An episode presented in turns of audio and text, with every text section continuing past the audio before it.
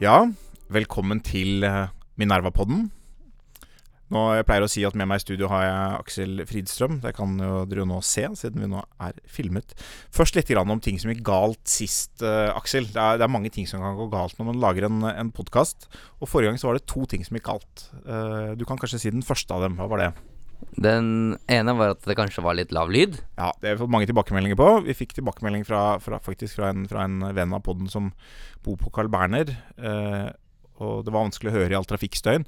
Vi trodde at våre lyttere bodde helt andre steder, men eh, vi tar dette til etterretning og håper at lyden blir høyere denne gangen. Gjør vi ikke det? Det gjør vi. Heldigvis var det jo bare din lyd som visstnok var dårlig, da. Ja, det var, eh, det var kanskje ikke tilfeldig. Jeg vet ikke hva du gjorde der i er redigeringen. kanskje- Men, men vi hadde et annet problem sist også. Som, eh, det var mange som klaget på lyden, men vi hadde et annet problem som ingen klaget på. Og det det syns jeg var litt skuffende. Det kan jo henge sammen med at lyden var lav, selvfølgelig. Men eh, vi hadde jo fire segmenter sist.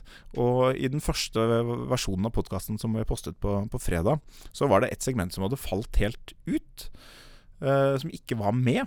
Fem-seks minutter. Som vi, selv om vi sa på begynnelsen at vi skulle snakke om det, og sa til slutt at vi hadde snakket om det. Men det var det ingen som fikk med seg.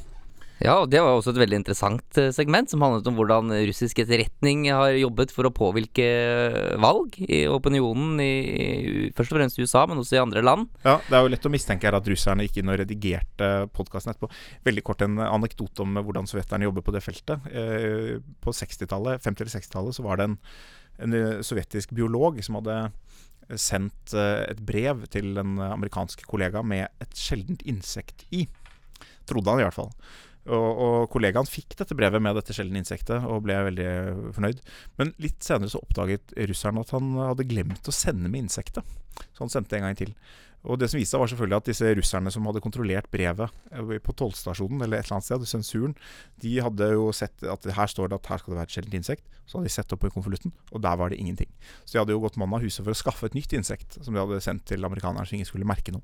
Så de er grundige av og til, russerne. Det skal de ha.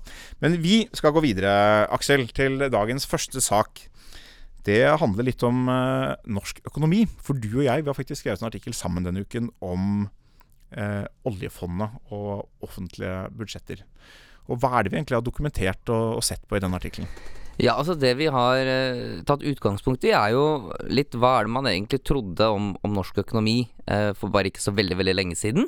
Eh, og hvilke handlingsrom var det man egentlig man så for seg at man hadde eh, den gangen. Og da har vi tatt utgangspunkt i en artikkel som var skrevet av daværende forskningsleder i SSB, Erling Holmøy, og en eh, konsulent ved navn eh, Heide, eh, som ser på hva man trodde ville skje med norsk økonomi dersom oljeprisen kunne gå til altså sånn stabil, stabil oljepris da, på 50 dollar fatet i 2006. Den gangen hørtes det ut som det var veldig mye.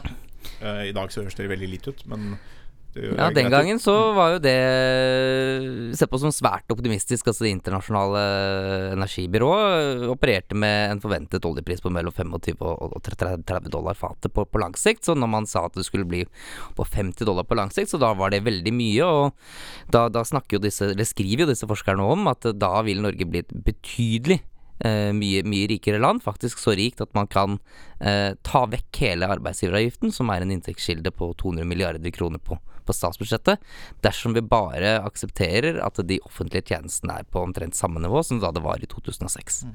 Men eh, nå følger du budsjettarbeidet kanskje enda tettere enn meg, Aksel. Men nå er det jo 2020. Det var vel det året de mente at man omtrent kunne fjerne arbeidsgiveravgiften. Men eh, vi har da fortsatt arbeidsgiveravgift, har vi ikke det? Det har vi, Det har og det er egentlig det sentrale poenget i vår artikkel, nemlig at eh, vi ble utrolig mye rikere enn en, en det vi hadde trodd, og denne rikdommen skulle jo føre til et enormt handlingsrom, som veldig mange egentlig ville fagøkonomer ville anbefale at skulle overføres til, direkte til privatbefolkning og deres personlige verdferd i form av eh, lavere skatter og avgifter, men som likevel ikke har skjedd.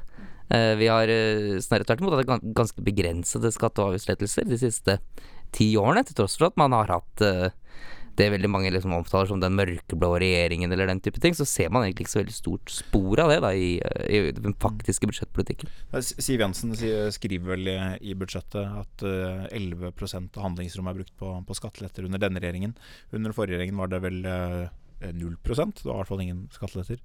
Eh, men det kunne jo tenkes, Aksel, at eh, dette er fordi man har funnet et annet område som det har vært helt maktpåliggende å prioritere opp og bruke alle disse ekstra milliardene på. Altså, Størrelsesorden her er altså da siden 2006 kanskje 300 milliarder eller noe, eller noe, sånt. Kanskje vi hadde noe veldig veldig viktig vi skulle bruke det på. Det tyder budsjettene på at vi, det var et, et område som, som, hele nasjonen har hatt en lang samtale, diskutert, snakket uh, oss imellom og sagt dette skal vi prioritere. Ja, er, man har jo ikke bare funnet ett område, man har funnet egentlig alle områder. Oh, uh, så hvis man ser på, på, statsbudsjettet, så vil man jo se at uh, selv om det er noen områder som er prioritert sterkere enn andre, så er det jevnt over nesten til alle politikkområder bevilget veldig mye penger. Så det er ikke egentlig ikke så veldig snakk om at man har hatt så mye sterke prioriteringer i Norge de siste årene. Man har egentlig bare smurt pengene over, mm. eh, over hele fjøla. Selv om det er noen områder som har noe mer penger enn andre. Vi skal jo følge opp dette med flere artikler senere, hvor vi ser på hvordan noen av disse utgiftsøkningene har skjedd.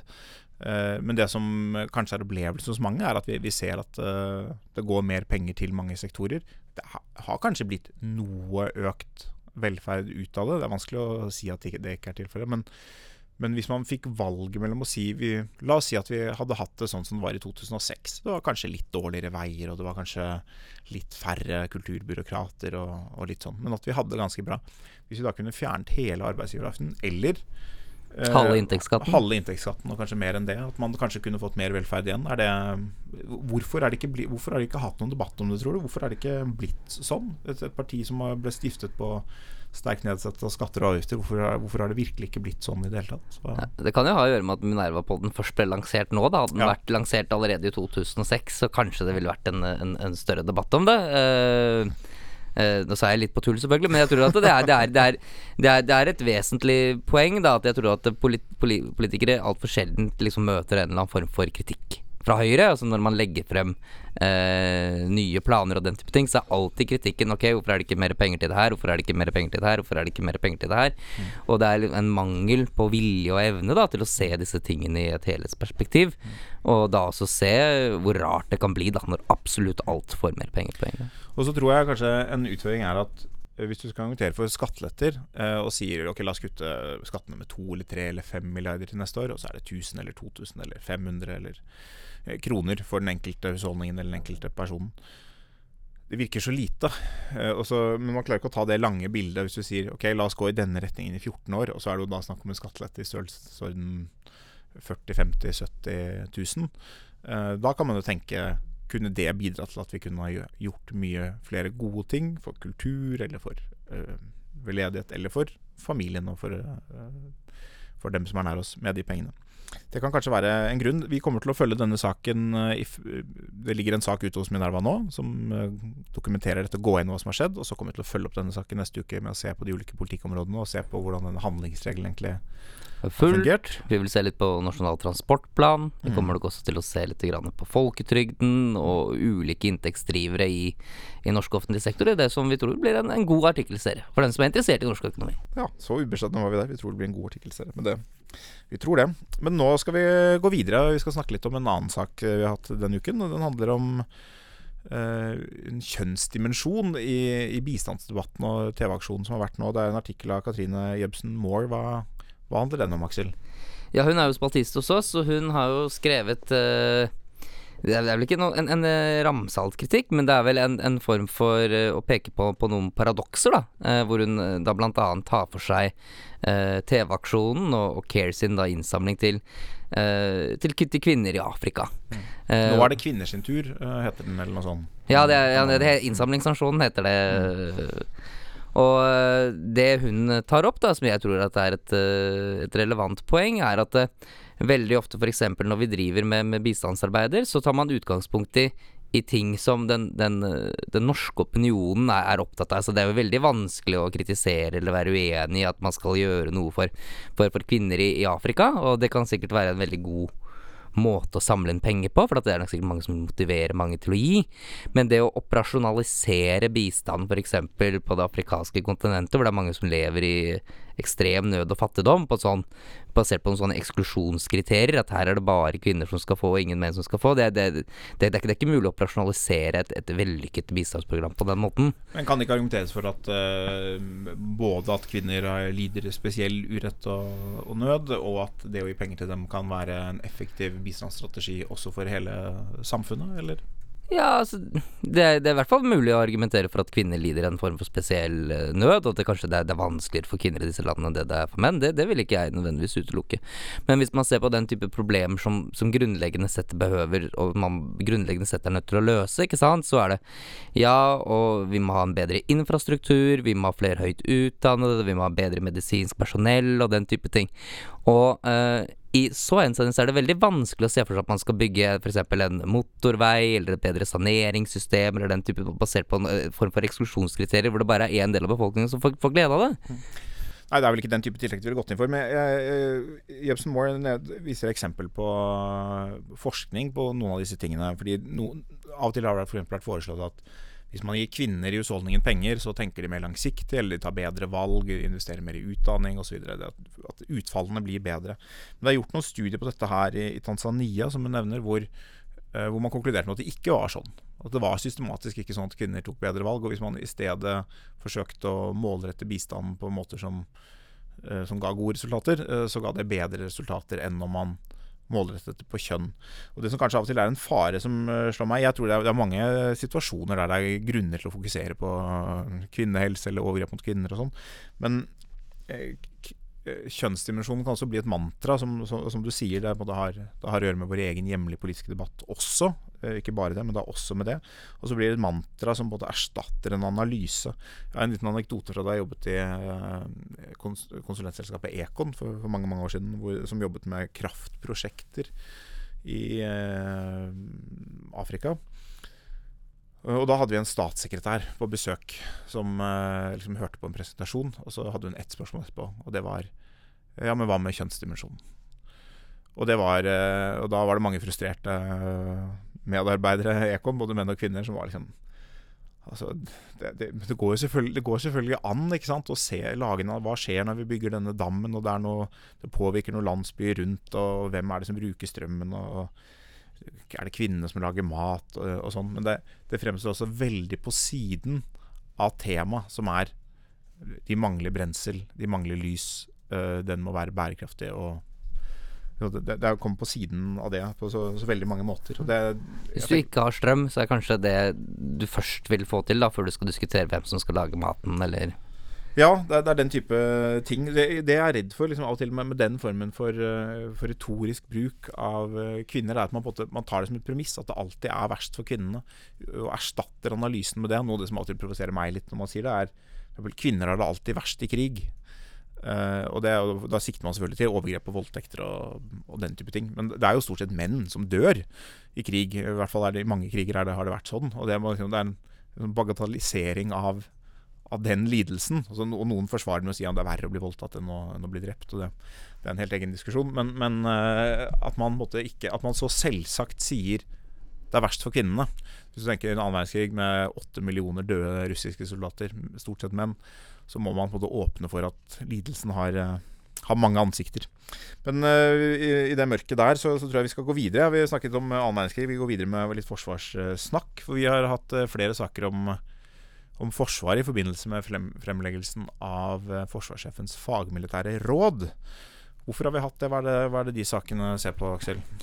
Nei, altså den ser jo på øh, øh, den nye tvisten, da, holdt jeg på å si litt med, med det fagmilitære rådet, når man nå har fått et skalerbart råd hvor det pekes på øh, litt ulike scenarioer fremover.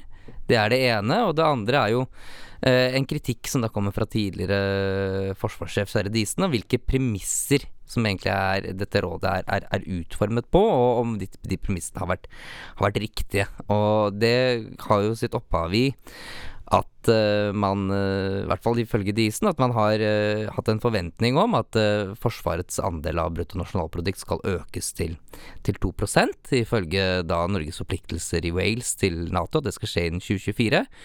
men så har man jo samtidig også eh, endret måten bl.a. man beregner disse to prosentene på.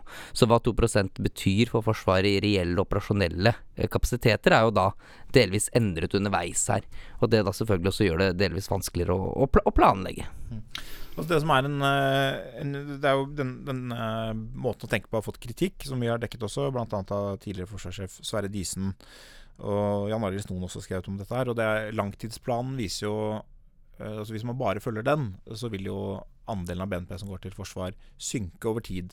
Så dette rådet, Det fagmilitære rådet forutsetter jo at man da kompenserer dette med nye investeringer, nye utgifter, som gjør at man uh, nærmer seg og, når, og kanskje til og med går forbi 2% banen. Eh, kritikken går jo på at politikerne har hittil ikke vist vilje eller evne til å nå dette 2 %-målet, eller egentlig nærme seg det eh, så mye som man bør. Og i hvert fall ikke til å nå det. Og det stilles kanskje spørsmål ved om, om vi kommer til å gjøre det i en situasjon der vi ikke kommer til å ha det handlingsrommet i økonomien som vi, som vi, nettopp har snakket om, som vi definitivt har hatt, kunne ha hatt de siste ti årene. Men et, etter hvert som pensjonsforpliktelsene øker, eh, inntektene fra Nordsjøen kanskje synker, klimaomstilling vil bli krevende og kostbart, så vil det ikke være villige til dette her. Og da er dette rådet egentlig mindre relevant, fordi hvis vi ikke kan nå de kapasitetene som er beskrevet der, så har det kanskje ikke noen militær verdi å komme et lite stykke på vei. Mm. Uh, hva tenker du om den situasjonen? Ja, altså det, det er nok helt riktig at uh, det i hvert fall så langt uh, i reelle, faktiske prioriteringer til Forsvaret, så er det i hvert fall et, et godt stykke igjen da, til man når, når, opp til de, de, fagmilitære anbefalingene. Men det har jo til en viss grad gått i riktig retning, da, men kanskje ikke fort nok, vil noen si. Uh, men det er vel uansett sånn at man også kan jo tenke på denne type fagmilitære råd. At her er jo forsvarssjefen bedt om ok, hvor mye penger er det du faktisk trenger for å lage et, et uh, troverdig forsvar. da, Og så har man jo da pekt på ulike scenarioer og ulike konsekvenser ved ulike bevilgningsnivåer.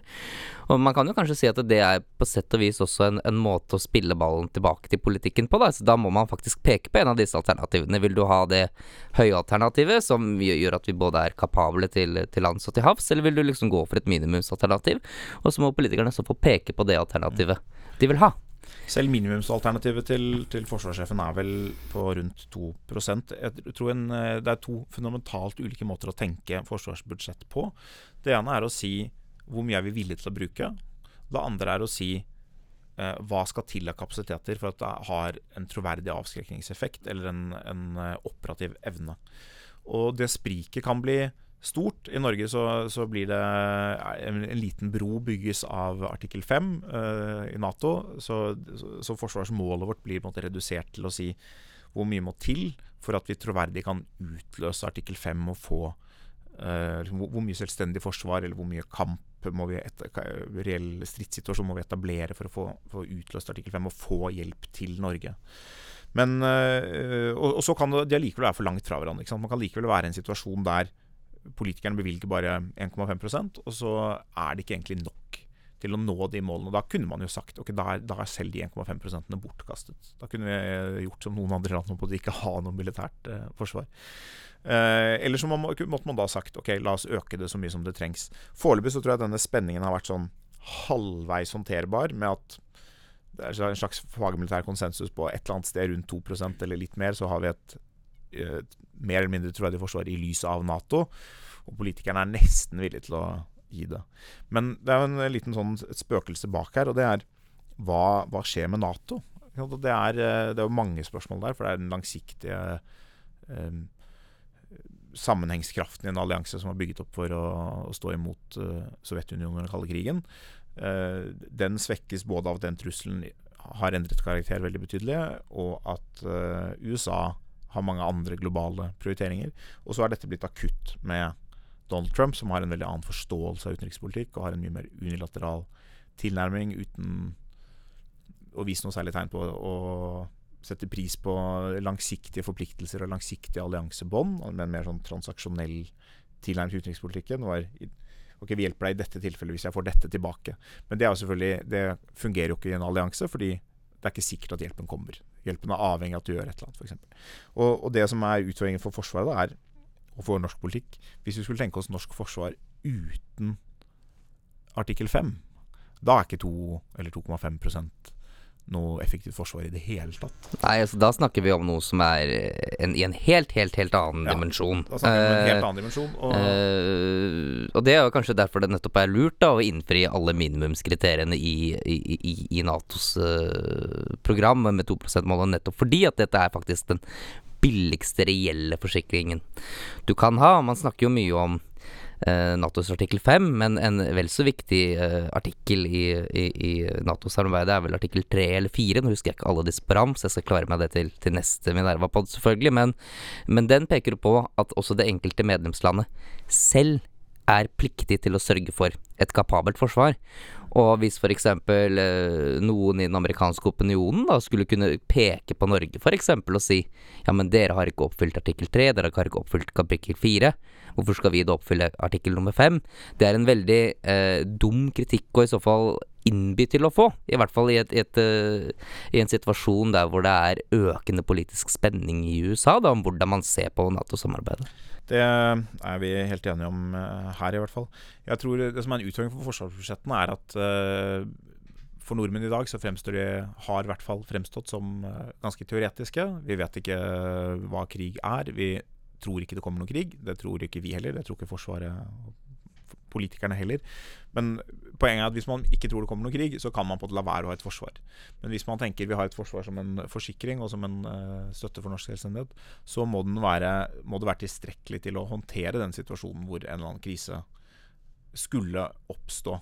Og så er spørsmålet hvordan, hvordan får man en betalingsvilje for det scenarioet, eller en politisk forståelse av Enten betaler vi for det, eller så betaler vi på måte ikke for det. Så jeg tror det, det har vært mer eller mindre håndterbart enn så lenge. Norge er ikke verst i Nato-klassen heller. Men i en, i en situasjon det neste tiåret der det blir en annen type Hvis det skulle bli med øh, tvil om artikkel 5 gjelder, så tror jeg vi får se en veldig Uh, mye mer akutt diskusjon om hvordan vi forstår forsvarspolitikk i et stort men, land som Norge. Vanskelig å forsvare, men med en liten befolkning. Så det, det skal vi overlate til uh, det neste tiårs politikere. Men vi, Ja. vi skal gå videre til, til, noe helt annet. Nå har vi snakket om uh, Trump og storpolitikk og, og forsvarsbudsjettet og forsvarssjefen og stridsvogner og fly og, og sånn. Men uh, hvor skal vi nå, Aksel? Ja, Det er jo egentlig en, en liten karamell til deg, deg Nils August. En slags form for uh, fri assosiasjon eller fri, fri taletid. Uh, mm. Og det handler jo om noe som du er veldig veldig opptatt av, ja, det gjør det, det gjør det. nemlig rettskrivning. Ja. Eh, og fordi at eh, Dag Solstad, mm. forfatteren Dag Solstad, har fått mye kritikk for at han ikke kan eh, kommaregler, mye, at han gjør mye kommafeil. Mm. Men der har jo da forlaget vært ute sånn at det er da innenfor den kunstneriske friheten. Og hva tenker du om det? Jeg tenker at det er jo ikke bare Dag Solstad som ikke kan kommareglene. Det er åpenbart at forlaget heller ikke har bestrebet seg på å følge dem. De fleste forfattere ville godta at man retter elementære og idiotiske kommafeil. Uh, men ingen kan jo kommareglene. Altså, jeg sitter jo her som redaktør. Man får inn tekster herfra og derfra. Og i Norge så er det sånn at ingen kan kommareglene. I andre land så er det sånne utdanningsskiller hvor du har eh, vanlige folk. Kan, kan, kanskje ikke alle, liksom alle språkets irrganger. Har ikke hatt anledning til å studere det i detalj. Uh, men når du får folk med mastergrad eller doktorgrad innenfor samfunnsvitenskap og humaniora, da er det folk som på en måte har beskikket sitt språk. Men i Norge er det ikke sånn. Ingen kan kommareglene. De eneste som kan kommareglene i Norge, det er altså gamle gamle mennesker som gikk på, på skolen på 40- og 50-tallet, den gangen man lærte setningsbygging på en noenlunde anstendig måte. Eh, og kanskje dagens skoleelever, altså de som går i 5. eller 6. klasse, eller når det er man lærer dette her, de har det kanskje present. Men ellers så er det Kun du. som det er, det er full krise. Uh, og det, det, er jo Sånn er det å være konservativ. Man opplever at ting går nedover og forflates, og man prøver å holde igjen. Man skjønner at det, til slutt så kommer det til å gå til, sko altså jeg, til slutt så kommer det til å gå dårlig. Jeg er ganske sikker på at uh, man på et eller annet punkt bare må, må gi opp kommareglene, fordi det ikke er noen som behersker dem. Men, men det peker på, på, noe annet som er veldig, veldig interessant, som er en spesiell form for kunnskapsmangel i også hele, nesten hele den norske kultureliten. Det er selvfølgelig noen unntak. Altså det er Folk som har studert nordistikk, og folk som har jobbet som korrekturleser, og sånt, sånn som jeg gjorde i min ungdom. De, de, må jo lære reglene. Men grunnen til at ingen nordmenn kan kommareglene, er at norske kommaregler er knyttet i ganske stor grad til setningsanalyse. Så man sier f.eks. det skal være komma etter innskutt leddsetning. Men da må man jo vite hva innskudd leddsetning er, og der, der begynner problemene. Det er en setning som er inn, innledet f.eks. med det som nå eh, lingvister har bestemt skal hete relativ subjunksjon. De fleste av lytterne vil da antagelig ha hørt om det som, rel som relativ konjunksjon. Uh, jeg bruker den gamle termen fordi det er uklart om Norge faktisk er blitt et bedre land av å, å bytte ut den termen. Men uh, det er ordet 'som'. Så hvis man sier 'mannen som jeg så', komma, var uh, dum. Så er det fornærmende, selvfølgelig, men, men komma er riktig satt. Uh, men da må man vite at 'som jeg så' er en, en uh, relativ setning. Problemet er at ofte sier vi 'mannen jeg så' er dum. Vi, vi bare kutter ut 'som'. Så når man prøver å lage sånne hjelperegler, når du ser ordet 'som', prøv å se om det kanskje er en relativ setning, så fungerer det ganske dårlig. Man må, man må vite hva leddsetningen er, uavhengig av ordet. Og der, det, det, virker som, det, det virker som på meg, og du kan kanskje si noe om det stemmer eller ikke, Aksel, det er at nordmenn ikke har noe interesse for setningsanalyse generelt. Uh, ja, på vegne av det norske folk så kan jeg i hvert fall jeg, min, jeg kan si at jeg kanskje ikke har den største interessen, da. Ja. Ja. Jeg syns det er problematisk. Det gjør det også mye vanskeligere å lære tysk og mange andre eh, fremmedspråk.